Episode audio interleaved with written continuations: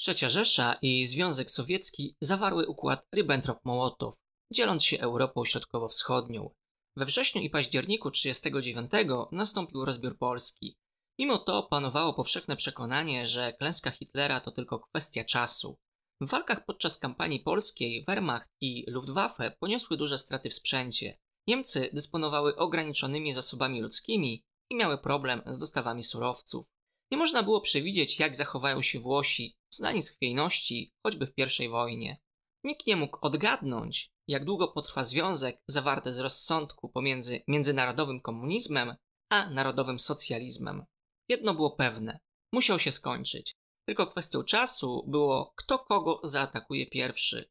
Jednak po kampanii polskiej aż do 1941 trwał miesiąc miodowy, pełen niesłychanych sukcesów, czas niezwykle szczęśliwy zarówno dla Stalina, jak i Hitlera. Moskwa po zajęciu ziem II Rzeczpospolitej oddała Wilno Litwie. Sowieci nie robili nic za darmo. Nie tylko Wilno, ale i cała Litwa miały się wkrótce znaleźć pod władzą komunistów. A jak ładnie to wyglądało, Sowieci, miłujący pokój, oddali stolicę mniejszemu krajowi, wydartą przez imperialistyczną, kapitalistyczną pańską Polskę. Jeszcze pod koniec września i na początku października Litwa, Łotwa i Estonia zostały zmuszone do wyrażenia zgody na stacjonowanie garnizonów Armii Czerwonej. Stalin rozpoczął przygotowania do kolejnego etapu ekspansji, zajęcia terenów, które przypadły mu w poprawionym tzw. Tak drugim traktacie Ribbentrop-Mołotow 28 września. Właściwa nazwa tego porozumienia to Traktat o granicach i przyjaźni. W nim Niemcy zrzekli się wpływów na Litwie i w Finlandii. Po zabezpieczeniu pozycji w państwach nadbałtyckich Stalin wysunął ofertę nie do odrzucenia wobec Finlandii, przesunięcia granicy na przesmyku karelskim i wydzierżawienia półwyspu Hanko w zamian za część Karelii. Oczywiście tylko pozornie była to oferta wymiany, korzystna dla obu stron. Zgoda znacząco pogorszyłaby zdolności obronne Finlandii, a w zamian Finowie otrzymaliby pustki bez większego znaczenia. Stalin uzasadniał swoją pozycję tym, że w przyszłości z terytorium Finlandii może dojść do ataku na Związek Sowiecki. Państwa nadbałtyckie uległy żądaniom. Finlandia powiedziała nie. Stalin wobec odmowy Finów potrzebował pretekstu, dlatego Armia Czerwona bohatersko ostrzelała własne pozycje, oskarżając o to Finów. Co było absurdem, ponieważ Finowie, obawiając się prowokacji, wcześniej wycofali swoją artylerię poza tereny przygraniczne. Nie miało to znaczenia. Logika nie była i nie jest istotna dla komunistów. Jakiś sens miałby atak malutkiej, biednej Finlandii na sowieckiego kolosa przewyższającego północnego sąsiada w każdym aspekcie. Jednak tak to przedstawiano, a Związek Sowiecki mógł nieść sztandar pokoju i przejąć kolejny kraj w momencie, kiedy Zachód był zajęty trzecią Rzeszą. Rozpoczęła się tak zwana wojna zimowa od pory roku, w której była toczona, od 30 listopada 1939 do 12 czerwca 1940 roku. Rozpoczęła się z pogwałceniem paktu o nieagresji z Finlandią, zawartego przez Moskwę wiele lat wcześniej. Sytuacja podobna do tej z 17 września. Komuniści dotrzymywali umów tylko wtedy, kiedy było to dla nich korzystne. Nie mieli problemu z natychmiastowym odrzuceniem umowy jako burżuazyjnego wymysłu, kiedy tylko była taka potrzeba. Plan był jasny, realizowany według obowiązującego od lat schematu. Punkt pierwszy. Szukamy pretekstu. Robimy prowokację. Punkt drugi. Powołujemy marionetkowy rząd komunistyczny, w tym przypadku rząd ludowy Republiki Finlandii. Punkt trzeci. Wkracza Armia Czerwona i następuje tzw. Tak wyzwolenie. Walka z faszyzmem. Punkt czwarty. Instalacja nowego komunistycznego rządu, który usłużnie prosi nas, czyli Moskwę, Stalina, o przyjęcie do wielkiej rodziny narodów sowieckich. Punkt piąty. Równocześnie z pozostałymi punktami, ale po umocnieniu pozycji nasila się eksterminacja elementów niepożądanych. Przewaga Sowietów nad Finlandią była jeszcze większa niż przewaga III Rzeszy nad Polską, zarówno gospodarcza, jak i militarna, zwłaszcza w czołgach i lotnictwie. Maszyny sowieckie wbrew pozorom były nowoczesne. Finom brakowało nawet karabinów, a broń przeciwpancerna była prawdziwym luksusem. Finowie doskonale znali warunki i teren teatru działań wojennych. Bronili swojej ojczyzny, posiadali wysokie morale, ale zapasy nabojów, pocisków i paliwa były niewystarczające. W miarę przedłużania konfliktu odczuwano braki, szanowano każdą kulę. Improwizowano. Brak broni przeciwpancernej doprowadził do masowego używania koktajli Mołotowa. Atak nastąpił z dwóch stron, wzdłuż całej linii granicznej. Agresorów powstrzymała doskonale zaprojektowana linia Mannerheima, umocnień opartych o przeszkody terenowe. Nazwana tak na cześć ojca niepodległości Finlandii, Karl Gustav Mannerheim odznaczył się także podczas II wojny światowej, był naczelnym dowódcą. Mająca ogromną przewagę, Armia Czerwona ponosiła równie ogromne straty. Zima zaskoczyła Sowietów. Finowie zakładali białe mundury maskujące. Stroje Armii Czerwonej były doskonale widoczne w warunkach zimowych. Finowie z łatwością przemieszczali się po zaspach jeżdżąc na nartach. Maszyny sowieckie nie były w stanie dobrze funkcjonować w bardzo niskich temperaturach. Swoje też zrobiły czystki w armii, zakończone niedługo przed wybuchem konfliktu. Wymordowano doświadczonych dowódców, wykształconych jeszcze w rosyjskiej armii. Byli już niepotrzebni. Stworzono prawdziwie komunistyczną armię. I cóż, po wojnie zimowej rozpoczęto proces modernizacji armii, m.in. powrotu do carskich zasad. Wojna miała być pokazem skuteczności Armii Czerwonej, a była kompromitacją. Tym większą, że Sowieci długo przygotowywali się do tego konfliktu, a wywiad pozyskał istotne informacje o umocnieniach fińskich. Przedłużające się działania zbrojne, wojna trwała w sumie 105 dni, dały Zachodowi czas na reakcję. Potencjalna możliwość interwencji francusko-brytyjskiej oraz obawa przed zaangażowaniem Niemiec zmusiły Moskwę do szukania pokoju. Finlandia utraciła około 10% terytorium, zamieszkiwanego przez około 12% ludności kraju. Całą ludność przesiedlono do Finlandii. Można powiedzieć, że Związek Sowiecki był miłosierny, ale mimo stosunkowo niewielkich strat, sytuacja Finlandii znacząco się pogorszyła. Sowieci przejęli umocnienia graniczne oraz wyspy i półwysep Hanko, zagrażając bezpieczeństwu i istnieniu kraju. Przez cały ten czas na froncie zachodnim trwała dziwna wojna. Nieprzyjaciele zajęli pozycję w umocnieniach i czekali. W czasie walk niemiecko-polskich alianci posiadali znaczącą przewagę. Mogli wtedy wygrać wojnę po raz pierwszy. Podjęto tylko ograniczone działania ofensywne, a Hitler miał dużo czasu na przygotowanie i przemyślenie kolejnego ruchu. Jego kolejnym celem po Polsce wcale nie była Francja. 9 kwietnia 40 roku nastąpił atak na Danię. Opór trwał 6 godzin po których nastąpiła kapitulacja. Król i rząd pozostali w kraju i dalej sprawowali władzę, uznając niemieckie zwierzchnictwo. Dania była tylko trampoliną do ataku na Norwegię, który odbył się jeszcze tego samego dnia. Hitler obawiał się, że alianci go uprzedzą, zajmą Norwegię i odetną jego kraj od surowców. Niemcy przeprowadzili desant na wybrzeżach i opanowali miasta. Atak był tak szybki, że norweska armia nie mogła się nawet zmobilizować, ale ogniska oporu ciągle się tliły w głębi kraju. Alianci pierwszy raz zareagowali zdecydowanie. Wysłali korpus ekspedycyjny składający się z francusko-brytyjsko-polskich żołnierzy. 28 maja w trakcie ciężkich walk odbili Narvik, port o ogromnym znaczeniu strategicznym, przez który transportowano ładunki rudy żelaza. W bitwie o Narvik wyróżniła się samodzielna brygada strzelców podhalańskich, a zatonął okręt Rzeczpospolitej Polskiej Grom. Było to pierwsze zwycięstwo aliantów. Tego samego dnia, w którym Narvik odbito, skapitulowała Belgia. Sytuacja Francji znacząco się pogarszała. Zdecydowano się wycofać korpus. Norwegia została opanowana przez trzecią Rzeszę, ale nie skapitulowała. Król i rząd schronili się w Wielkiej Brytanii, władzę w państwie przejęli kolaboranci, faszyści na czele z Witkunem Quislingiem. Norwegia opierała się Niemcom około 62 dni. Jak się okaże, był to kraj, który bronił się najdłużej, nie licząc Związku Sowieckiego. Opanowanie Danii i Norwegii było kolejnym zwycięstwem Hitlera nad aliantami. Zajęcie tych terenów zabezpieczało zaplecze surowcowe, zwłaszcza tak potrzebne żelazo dawało swobodę operacji Kriegsmarine na Morzu Bałtyckim dzięki zabezpieczeniu cieśnin duńskich. Być może jeszcze ważniejszy był wymiar geopolityczny. Okrążona została Szwecja, mimo deklarowanej neutralności, ugięła się pod naciskami Berlina. Trzecia Rzesza uzyskała również dostęp do Finlandii. Co jeszcze ważniejsze, okrążona została Wielka Brytania. Lotnictwo i flota zyskiwały nowe możliwości dzięki dostępowi do norweskich baz. Minęło ponad pół roku od ataku na Polskę. Dziwna wojna dobiegła końca. 10 maja rozpoczęła się zemsta Niemców za I wojnę światową. Wdrożono Fall Gelb, czyli wariant żółty, niemiecki plan inwazji na Francję. Pierwotnie przypominał on w założeniach plan Schlieffena z I wojny światowej.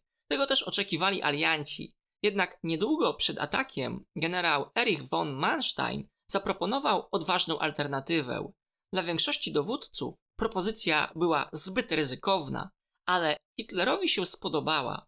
Uderzenie miało nastąpić w trzech kierunkach. Grupa Armii C miała uderzyć na linię Maginota, francuskie fortyfikacje, najpotężniejsze na granicy francusko-niemieckiej, miały być w zamyśle twórców przeszkodą nie do pokonania. Grupie Armii B przydzielono zadanie ataku na Belgię i Holandię. Najważniejsze i najtrudniejsze zadanie miała Grupa Armii A. Pomiędzy umocnieniami francuskimi a Niderlandami, między innymi na terytorium belgijskim, rozciągają się Ardeny, niezbyt wysokie góry, w opinii francuskiej nie do przebycia. Niemcy postanowili spróbować przeprawy z całym sprzętem, ominąć linię Maginota i walczących na północy, następnie poprowadzić uderzenie w kierunku kanału La Manche, zamykając zaskoczonych aliantów w belgijskim kotle. Atak wykonano zgodnie z planem. Na kraje Beneluxu uderzono dla odwrócenia uwagi. Niemieccy spadochroniarze opanowali mosty i lotniska. Luftwaffe zbombardowało miasta. Holandia upadła po pięciu dniach walk. Belgia walczyła 18 dni przy pełnym wsparciu Francuzów i Brytyjczyków. Kapitulacja Belgii nastąpiła 28 maja, w dniu odbicia przez aliantów Narwiku. Główne uderzenie ruszyło przez lasy, góry i rzeki, przez Ardeny. Ruch niemieckich jednostek został dostrzeżony przez samoloty zwiadowcze. Francuzi mogli zaatakować, zbombardować ściśniętego nieprzyjaciela, ale zlekceważyli meldunki, stwierdzając, że przeprawa jest niemożliwa. Mogli wygrać wojnę po raz drugi, lub przynajmniej uniknąć losu, jaki ich czekał. Natarcie przeprowadzono zgodnie z założeniami Blitzkriegu. Atak przez Ardeny był błyskawiczny. Żołnierze atakowali dniem i nocą. Ważne było zaskoczenie, a zatem i szybkość. Dzięki łykanym niczym cukierki tabletkom pervitin, czyli metamfetaminie, niemieccy żołnierze zamienili się w nieczułe roboty niepotrzebujące snu. W sumie wyszedłby z tego ciekawy, oddzielny odcinek, coś w stylu naspidowana armia. Pervitin był używany już podczas ataku na Polskę. W 1940 roku coraz powszechniej zdawano sobie sprawę ze skutków ubocznych i odchodzono od stosowania specyfiku. Wracając do Blitzkriegu, tak jak podczas I wojny i jeszcze wcześniej duże znaczenie miał transport kolejowy, tak w drugiej ogromną rolę odgrywały drogi zapewniające mobilność jednostkom pancernym. Podczas ataku na Ardeny, według planu Mansteina, siły zmotoryzowane i pancerne znacząco wyprzedziły piechotę. Dotarły do kanału La Manche 20 maja, okrążając żołnierzy walczących w Niderlandach. Tempo ataku było tak szokujące, że Hitler próbował go wstrzymywać, bojąc się klęski. 26 maja rozpoczęła się ewakuacja okrążonych żołnierzy z Dunkierki. Całkiem niedawno powstał film o tych wydarzeniach w reżyserii Christophera Nolana. Uratowanie dziesiątek tysięcy żołnierzy było niezwykle wymagającą operacją logistyczną. Winston Churchill liczył na uratowanie około kilkudziesięciu tysięcy żołnierzy. Uratował ponad 300 tysięcy Brytyjczyków z korpusu ekspedycyjnego, Francuzów i Polaków. Było to możliwe m.in. dzięki zaangażowaniu cywili i dosłownie każdego statku pływającego. Żołnierze stłoczeni na wybrzeżu porzucali sprzęt, byle tylko się uratować. Część jednostek musiała się poświęcić, wstrzymując niemieckie natarcie, aby umożliwić transport ludzi. Do sukcesu operacji przyczyniła się decyzja Hitlera, który wstrzymał uderzenie. Dlaczego to zrobił? Przecież mógł dobić aliantów. Być może ciągle szukał porozumienia z Anglią. Wstrzymując atak, dawał do zrozumienia, że jest gotów na negocjacje pokojowe i podział świata. Nasza Europa, wasze morza i oceany. Znaczenie mogły odgrywać personalne ambicje. Hermann Göring, dowódca Luftwaffe, pragnął wykazać potęgę lotnictwa niemieckiego. Luftwaffe przystąpiło do bombardowań. Pozycji sojuszniczych skutecznie broniło lotnictwo sprzymierzonych. Niemcom przeszkodziła również pogoda, uniemożliwiająca precyzyjne ataki. Gering wprowadził Hitlera w błąd. Rządny chwały stwierdził, że Luftwaffe dokończy robotę, a Wehrmacht uniknie strat. Tym samym wydzierał armii wypracowany przez żołnierzy sukces.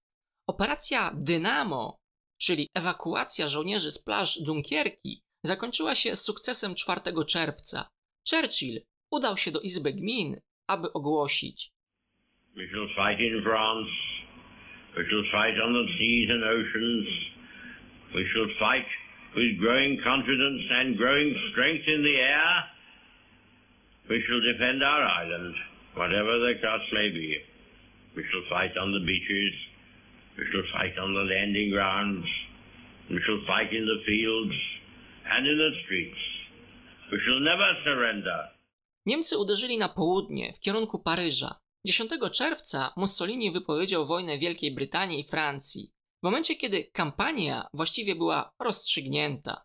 Dodatkowo opóźnili ofensywę aż do 20 czerwca. Włochom poszło jak zawsze. Kiedy wreszcie uderzyli, nie poczynili większych postępów, ponosząc duże straty. W tym przypadku francuskie umocnienia na granicy z Włochami spełniły swoją rolę. We francuskim rządzie prym przejęło stronnictwo dążące do separatystycznego rozejmu, który podpisano 22 czerwca w Kąpień. W tym samym miejscu, w tym samym wagonie, w którym Niemcy podpisały układ rozejmowy w 1918, kończący I wojnę światową. Hitler miał swoją zemstę. Północ Francji została włączona do III Rzeszy, uniemożliwiając ewentualne kontakty francusko-brytyjskie przez kanał La Manche. Na południu powstało marionetkowe państwo Vichy ze 100-tysięczną armią, rządzone przez kolaborantów. Premierem został Philippe Pétain, bohater piekła Verdun z I wojny światowej. Francuzi podjęli daleko idącą współpracę, na przykład wydawali Niemcom Żydów. A przecież można było kontynuować walkę w koloniach, a zakończyła się epoka III Republiki. Większość Francuzów poparła kolaborującego Pétain. W Wielkiej Brytanii powstał Komitet Wolnych Francuzów. Na jego czele stanął Charles de Gaulle. Początkowo osamotniony, prowadził skuteczną walkę o pozyskanie Francuzów dla walki z III Rzeszą. Było o co rywalizować. Metropolia została zajęta, ale wciąż nie było wiadomo, jak zachowają się kolonie francuskie, którą stronę poprą. Postawa francuskiego rządu i francuskiej armii w trakcie II wojny światowej są do dziś tematem żartów. Dlaczego pola elizejskie są obsadzone drzewami? Bo Niemcy lubią maszerować w cieniu. Symbol Francji? Biała flaga. Ile biegów mają francuskie czołgi? Cztery wsteczne i jeden do przodu. Po co im ten jeden do przodu? Na wypadek, gdyby wróg zaskoczył ich od tyłu. Dlaczego na Sylwestra w Paryżu nie puszcza się fajerwerków? Żeby Francuzi nie musieli się poddawać co roku. Francja właściwie przegrała, zanim rozpoczęła się wojna. Zarówno naród, przywódcy i armia były nastawione antywojennie i defensywnie. Państwo zdemoralizowane wewnętrznie. W trakcie walk dochodziło do masowych dezercji. Popularne stały się kapitulanckie nastroje. Mimo iż Francja była w stanie wojny z Niemcami od 3 września 1939 roku, nie wykorzystała okazji do szybkiego zakończenia konfliktu. Po kampanii polskiej czekała bezczynnie niemal pół roku, kiedy wreszcie doszło do próby sił. Po kilku tygodniach walk Niemcy udali się na wakacje do Paryża.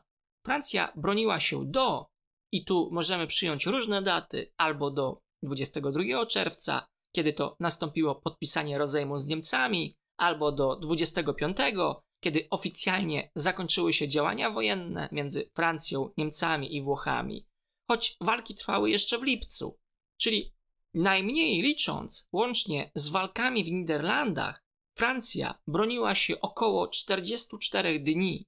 Klęska nastąpiłaby jeszcze szybciej, gdyby nie wstrzymano uderzenia. Francja wytrzymała więcej niż Polska, ale właściwie walczyła tylko na jednym odcinku granicznym z jednym przeciwnikiem. Polska walczyła niemal na każdym odcinku granicznym z trzema przeciwnikami i nie skapitulowała. Polacy podczas bitwy o Francję ponieśli kolejną klęskę.